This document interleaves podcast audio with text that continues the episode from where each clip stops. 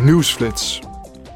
De Commissie Milieubeheer, Volksgezondheid en Voedselveiligheid heeft gepleit voor strengere kwaliteits- en veiligheidsnormen voor stoffen van menselijke oorsprong.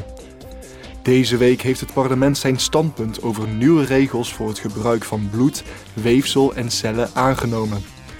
Het parlement hoopt hiermee op meer bescherming voor burgers die stoffen voor transfusies, behandelingen, transplantaties of medisch begeleide voorplanting doneren of ontvangen. De Commissie Buitenlandse Zaken heeft de Europese Unie en Turkije opgeroepen alternatieve manieren te vinden om samen te werken. Volgens de parlementsleden moet de regering in Ankara namelijk het roer radicaal omgooien voordat het toetredingsproces van Turkije tot de EU kan worden hervat.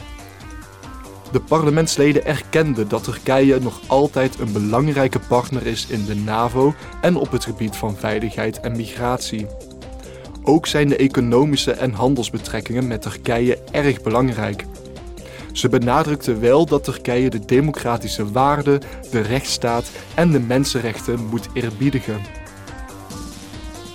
De Commissie Economische en Monetaire Zaken verwelkomde onlangs Margrethe Vestager, de commissaris voor mededinging van de Europese Commissie.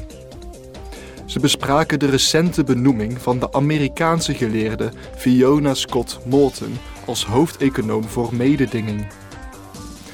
De parlementsleden twijfelden niet aan haar kwaliteiten, maar uiten hun bezorgdheid over mogelijke belangenverstrengelingen.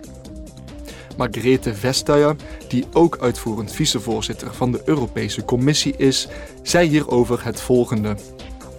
It would be wrong to deprive uh, the Commission of. De Europese Commissie en de Europese burgers hebben het recht op het beste economische advies. En het zou onjuist zijn om ze dit te ontzeggen. Er zijn niet heel veel mensen in de wereld die deze zeer specifieke rol kunnen vervullen. Uh, in the world who fits this very specific role. De parlementsleden vroegen om meer inzicht in haar vorige werkzaamheden en de taken die ze voor de commissie zou gaan vervullen. De hoofdeconoom voor mededinging voorziet de belangrijkste Europese autoriteit voor mededinging van analyses en strategisch advies.